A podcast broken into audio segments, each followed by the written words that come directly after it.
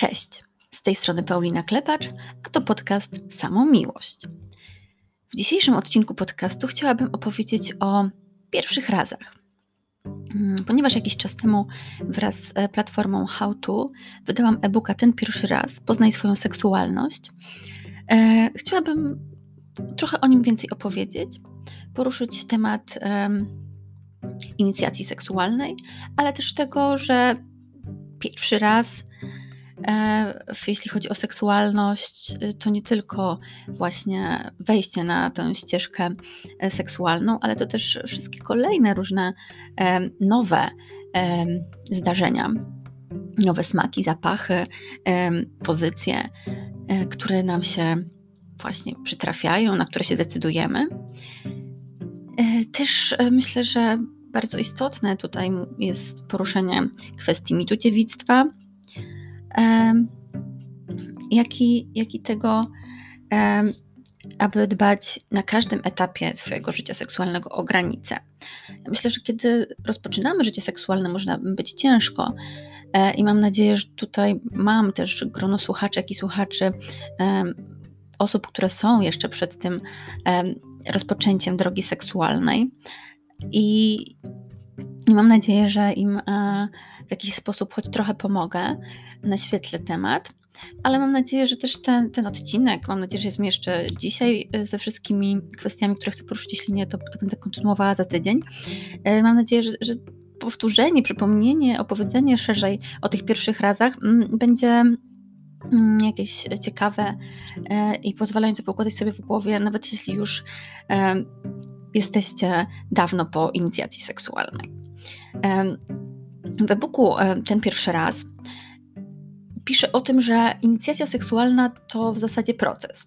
My właśnie mówimy ten pierwszy raz i, ja też użyłam takiego słowa na okładce, mm, ponieważ Google, e, jeśli zgooglujemy pierwszy raz, to właśnie to, ta fraza, ta fraza najczęściej się pojawia mm, w kwestii, w kwestii rozpoczynania życia seksualnego, e, ale, ale myślę, że ona gdzieś po prostu bardzo się utarła, zakorzeniła, ale nie jest najszczęśliwsza.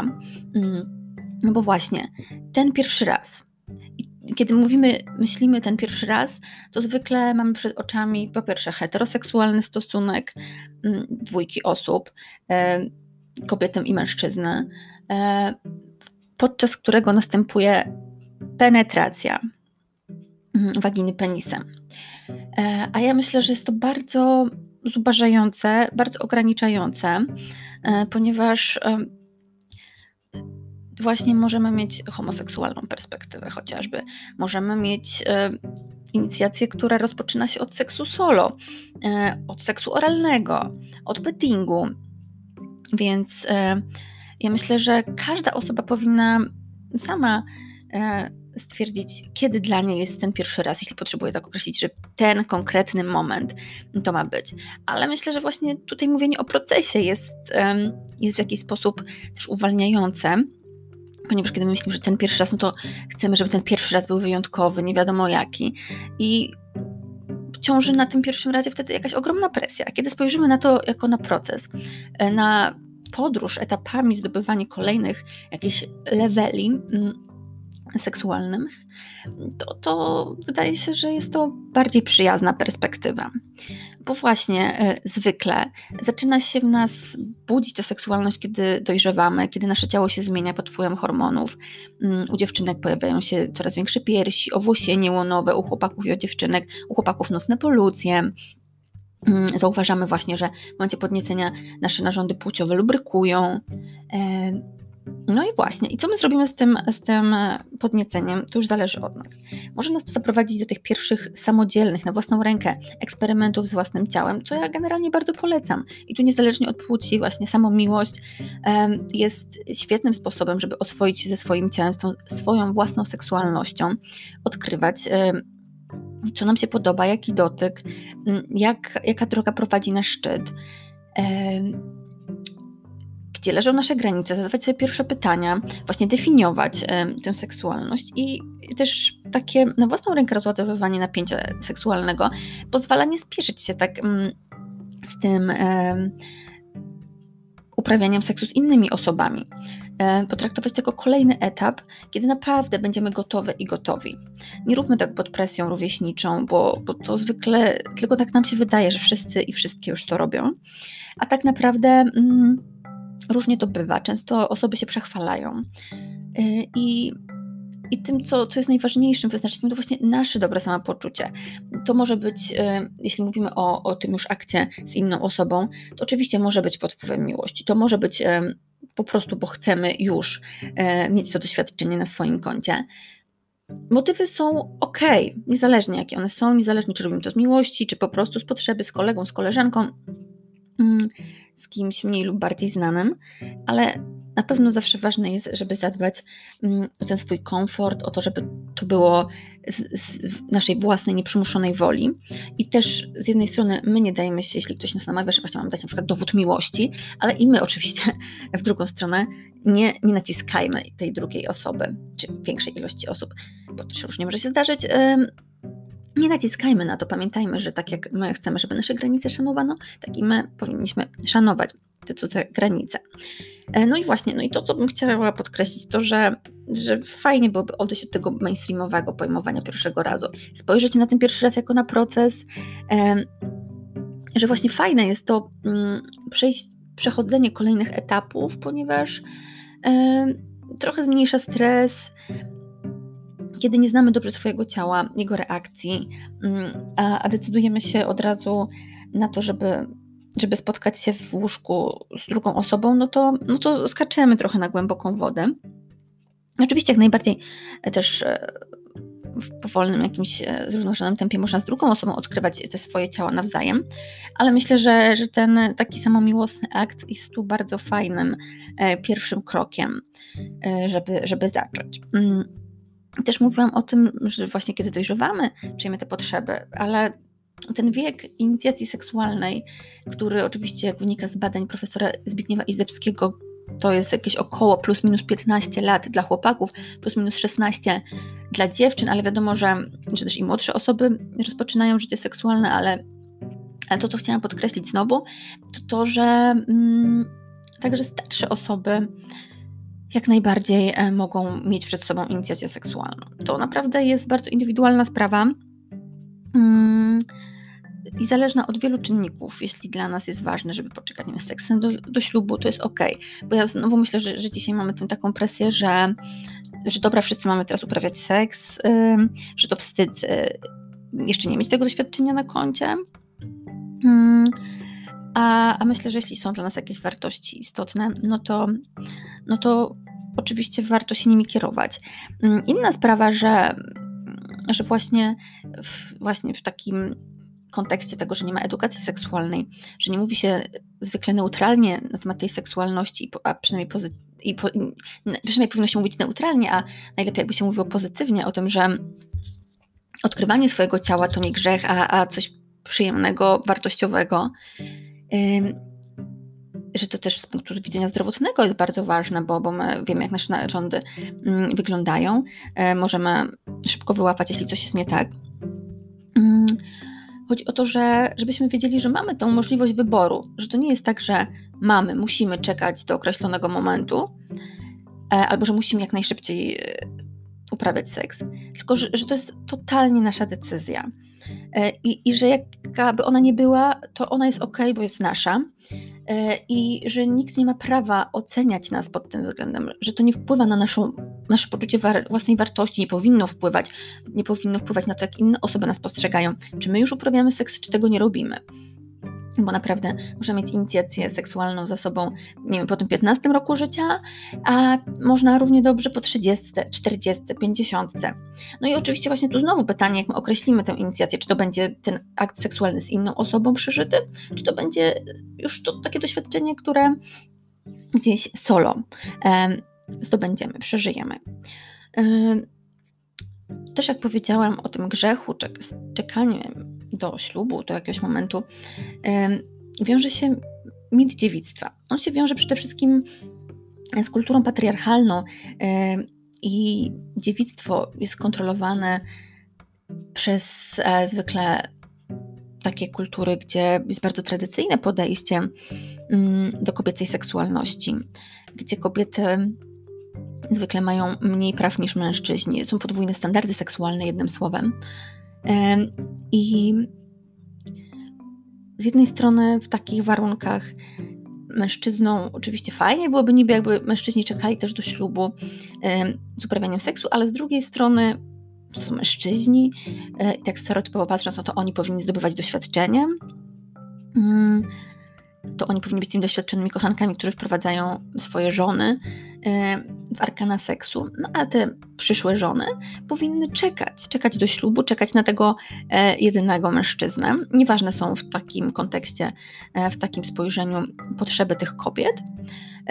Istotne jest to, żeby mieć władzę nad ich seksualnością żeby one same nie sprawiały sobie na przykład przyjemności. To też wiąże się z tym, jak e, usuwano, wciąż się usuwa też w niektórych częściach e, naszego świata łechtaczki kobietom, no bo uważa się, że e, łechtaczki to niedojrzała przyjemność, bo łechtaczki pozwalają kobietom właśnie na uprawianie samomiłości, co, co jest ze, szkodą dla mężczyzn, co oczywiście jest absurdalne, no ale do tego, do takich krwawych czynów rządza, rządza władzy i rządza ujarzmienia kobiecej seksualności prowadzi wciąż. I, i, i właśnie um, dziewica to jest um, bardzo długo była, ale dziś jeszcze myślę, że właśnie wciąż, wciąż możemy się z tym spotkać, że, że jest taką pożądaną kandydatką na żonę, że mamy postać czyste do ślubu. Ja jestem bardzo wielką przeciwniczką słowa dziewictwo. Um, po pierwsze w ogóle to dziewictwo zasadza się na czymś bardzo kruchym, na kruchym fundamencie, czyli na błonie śluzowej, fałdce błony śluzowej, która może być, ale nie musi, zlokalizowana tuż za wejściem do pochwy. No więc właśnie, może być, ale nie musi, ale jednak my na podstawie jakiejś takiej struktury anatomicznej e, szafujemy wyrokami, czy dana kobieta uprawiała już seks, czy tego jeszcze nie robiła. Mm, oczywiście tu myślimy o seksie penetracyjnym, tak? Mm, no bo właśnie, bo to właśnie też e, to całe dziewictwo wiąże się z tym bardzo wąskim postrzeganiem, e, że najwłaściwszym aktem seksualnym jest ten penetracyjny. No tak, oczywiście, bo w rozumieniu takiej bardzo tradycyjnej kultury taki akt prowadzi do zapłodnienia. Dlatego on jest gloryfikowany.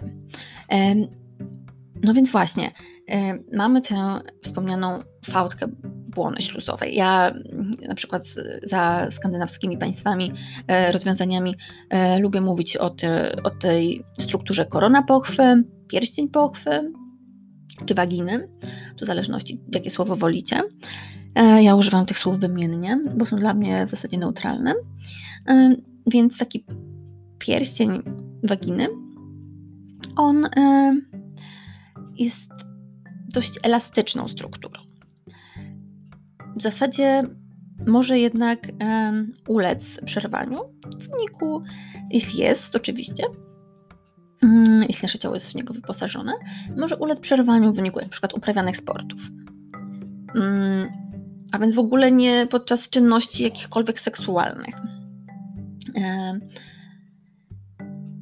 ale też może on e, nie ulec przerwaniu, nawet jeśli już kilka razy był ten seks penetracyjny, bo jest właśnie bardzo elastyczny.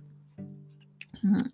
I to też kolejne mity tu się wiążą z tym, że mm, pierwszy seks musi boleć, związany z jakimś oporem, z krwią, e, a to są bardzo indywidualne sprawy. One mogą się wiązać, ale nie muszą właśnie z, tym, e, z tą strukturą, o której mówimy, anatomiczną, mm, ponieważ w zależności od tego, jakie e, predyspozycje ma nasze ciało, to przerwanie takiej błony może być bolesne, ale nie musi. Może wiązać się z jakimś krwawieniem, ale też nie musi. A jeśli pojawia się jakieś krwawienie, zwykle raczej plamieniem, e, podczas pierwszego mm, stosunku, pierwszego, ale czy też kilku kolejnych e, stosunków e, waginalnych, to zwykle wiąże się to z niedość, niedostateczną lubrykacją, z niedostatecznym nawilżeniem waginy może to się dziać pod wpływem, dlatego że jest jakiś spory stres, albo że za wcześnie próbujemy penetrować, e, czy też z tego powodu, że no, nasze ciało jeszcze, jeszcze aż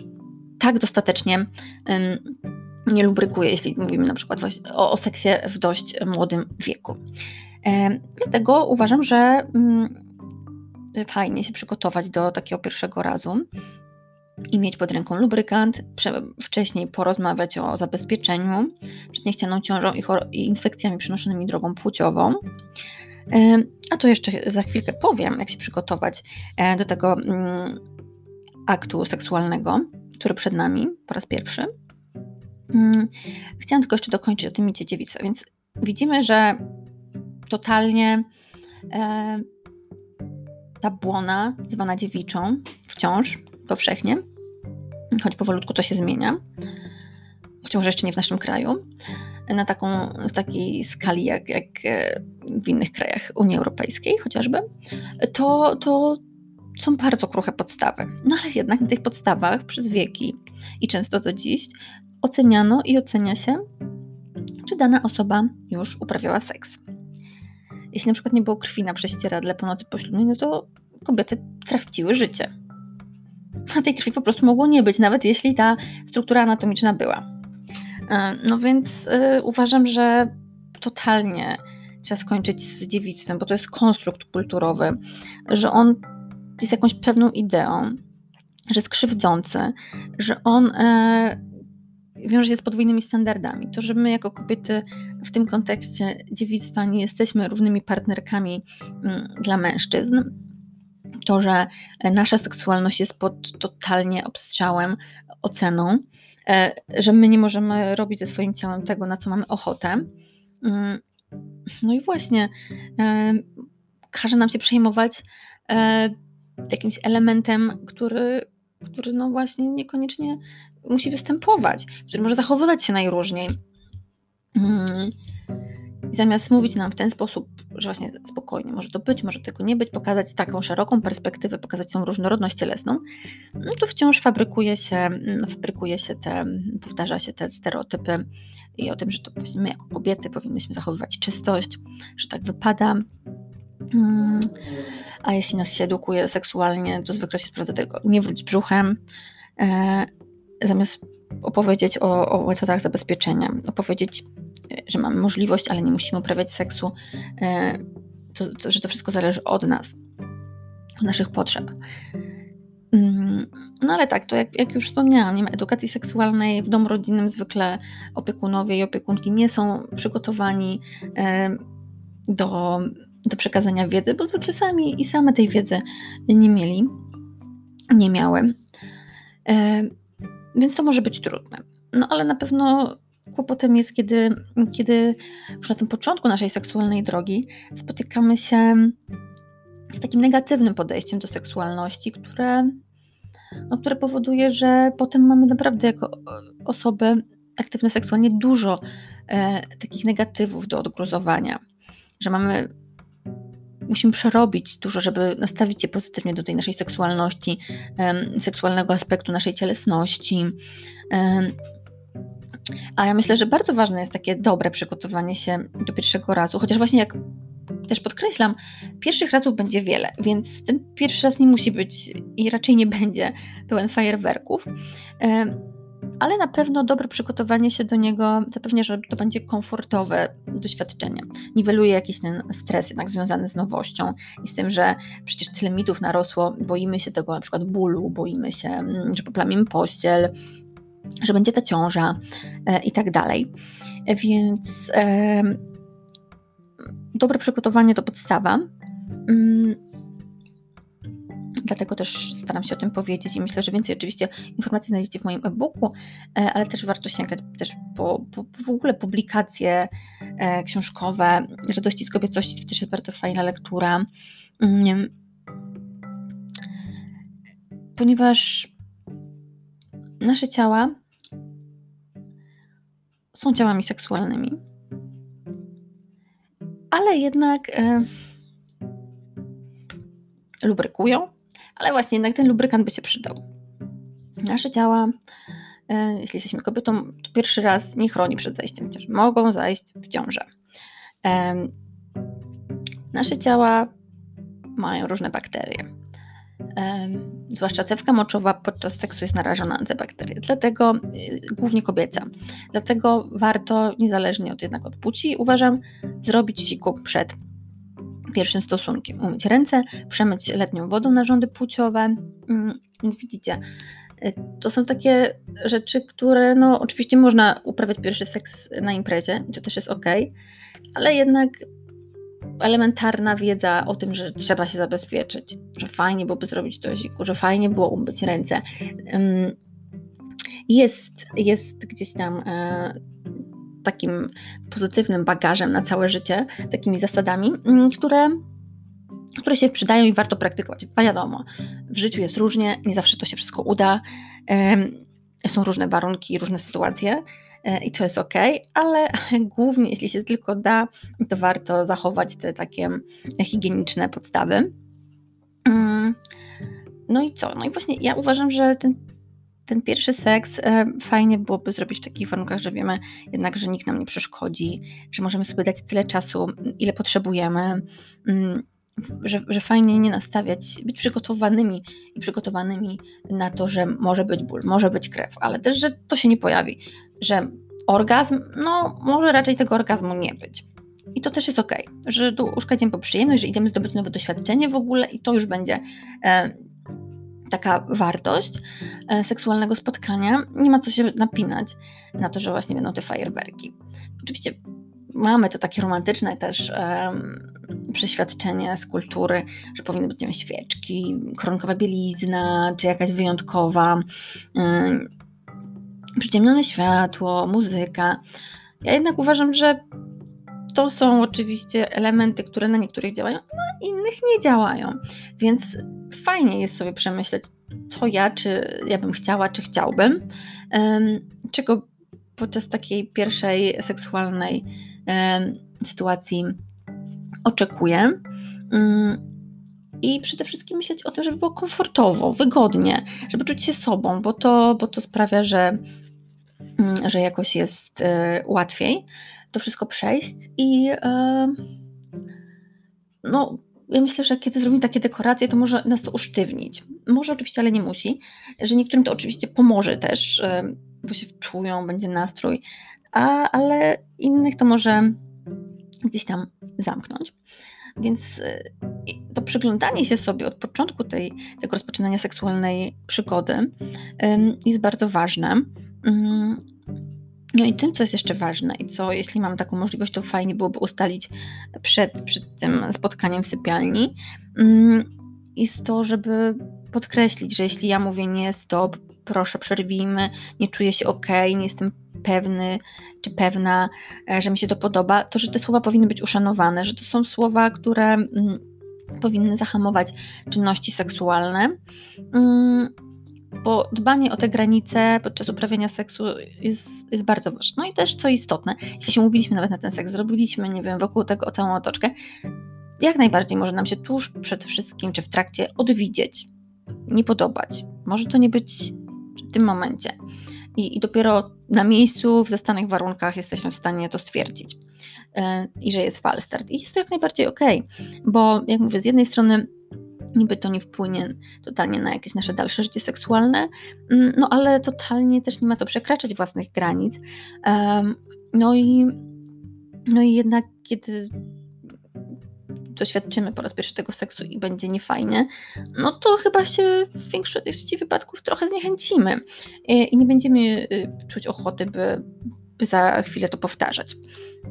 Więc jak najbardziej w przypadku inicjacji seksualnej to metoda małych kroków, Rozmawianie, jeśli chcemy ten seks uprawiać z partnerem czy z partnerką, rozmawianie o tym, jak ten seks powinien wyglądać, zderzenie tych naszych wspólnych, oczeki naszych oczekiwań pojedynczych w, te wspólne, wypracowanie mm, tego, co razem, jak razem to widzimy, porozmawianie o zabezpieczeniu, o infekcjach e, przynoszonych drogą płciową, pamiętanie o tym, że fajnie zrobić właśnie siku, umyć narządy, ręce, i tak dalej, żeby respektować swoje granice.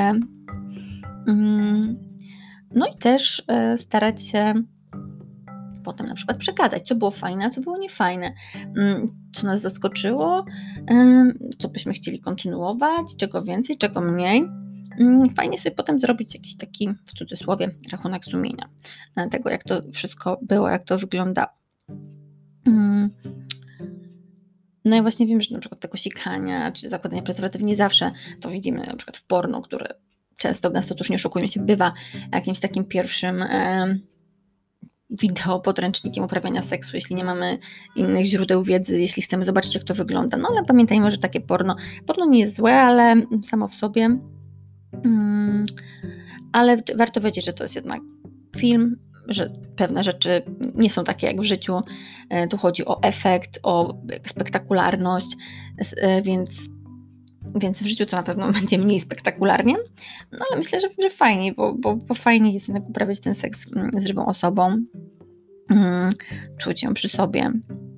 E, czy nawet dotykając się pojedynkę, to też, to też są jakieś realne odczucia, które które są fajne, które pokazują, że coś nowego dzieje się w naszych ciałach, że te nasze ciała potrafią dać rozkosz. To jest niesamowite.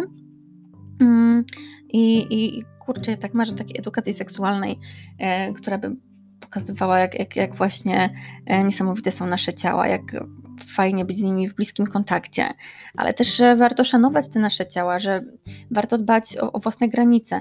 Co dla mnie ogromnym takim problemem jest to, że my dzieciaki od małego wychowujemy w takiej, znaczy ograbiamy z asertywności, że nie wiem, sadzamy bez pytania e, kilkulatka, czy kil, kilkulatka, czy kilkulatkę na kolanach cioci, wujkowi, każemy dać buziaka, e, nie zastanawiamy się, czy to dziecko ma na to ochotę, tylko tak rozmiękczamy te granice, pokazujemy, że te ich ciała mogą być przez inne osoby dotykane, nawet jeśli tym dzieciakom się to nie podoba. Mm, ja myślę, że to potem też y, przekłada się negatywnie na to życie seksualne, że nam jest trudno powiedzieć y, nie. I to nie jest nasza wina, tylko tego, że y, no, w takim schemacie przyszło nam dorastać. Mm. No i też to, to, to fajne, to ważne, może tak powiem, żeby nie oceniać się surowo za, za te pierwsze doświadczenia seksualne, mm, żeby cieszyć się tym, co nam się uda, a, a nie, nie biczować się za to, co tam nie wychodzi, ponieważ no, to jest właśnie dopiero początek i mnóstwo do odkrycia przed nami. Nie odkryjemy tego podczas jednej seks, se, sesji, seksji, hmm, nie odkryjemy tego podczas e, jednej sesji seksu solo, seksu partnerskiego. Mm, no i to jest właśnie fajne, że mamy mnóstwo do odkrycia przez całe życie, że, że te nowości będą. Ja już widzę, że czas mi się kończy, bo tu nagrywam przez, e, przez taką stronę, która pozwala tylko pół godziny, no więc będę temat kontynuowała. Ale już tak słowem wstępu do, do, do kolejnego odcinka, e, podkreślę, że właśnie m, mm, nawet minimalna zmiana, e, wyjście z sypialni i pójście nie wiem, do kuchni, do łazienki, e, aby uprawiać seks, e, może podkręcić atmosferę, e, może być odświeżającym bodźcem, bo te nowości na nas dobrze działają. Aczkolwiek też jakieś e, rytuały, powtarzalne rzeczy nie są złe, żeby też nie było, bo my możemy eksperymentować i te eksperymenty wcale nie oznaczają, że od razu ma być BDSM, drogie gadżety i tak dalej. Możemy eksperymentować, ale nie musimy. Hmm, I że warto tak w takiej perspektywie być. E, jeżeli pamiętacie, że jeżeli nawet teraz coś mi się nie podoba, nie przekonuje mi, mnie nie jestem gotowy czy gotowa, to może za jakiś czas to się zmienić, bo seksualność jest płynna. Jest to proces rozwojowy. Mm, zmienia się nasze ciało, zmieniają się nasze potrzeby, mm, zmieniają się sposoby naszego uprawiania seksu. E, no właśnie, więc pamiętajcie, inicjacja seksualna to proces. Ten pierwszy raz na waszych zasadach. E, to wy definiujecie, kiedy on jest, czym on jest, jak on wygląda. Dobrze kończę ten odcinek. Zapraszam do wysłuchania kolejnego. Dziękuję, że byliście i byłyście ze mną. E, jeszcze tylko tak powiem, że w październiku będzie już raczej trzeci sezon samomiłości e, i będzie on pod hasłem Rozkosz. Dziękuję.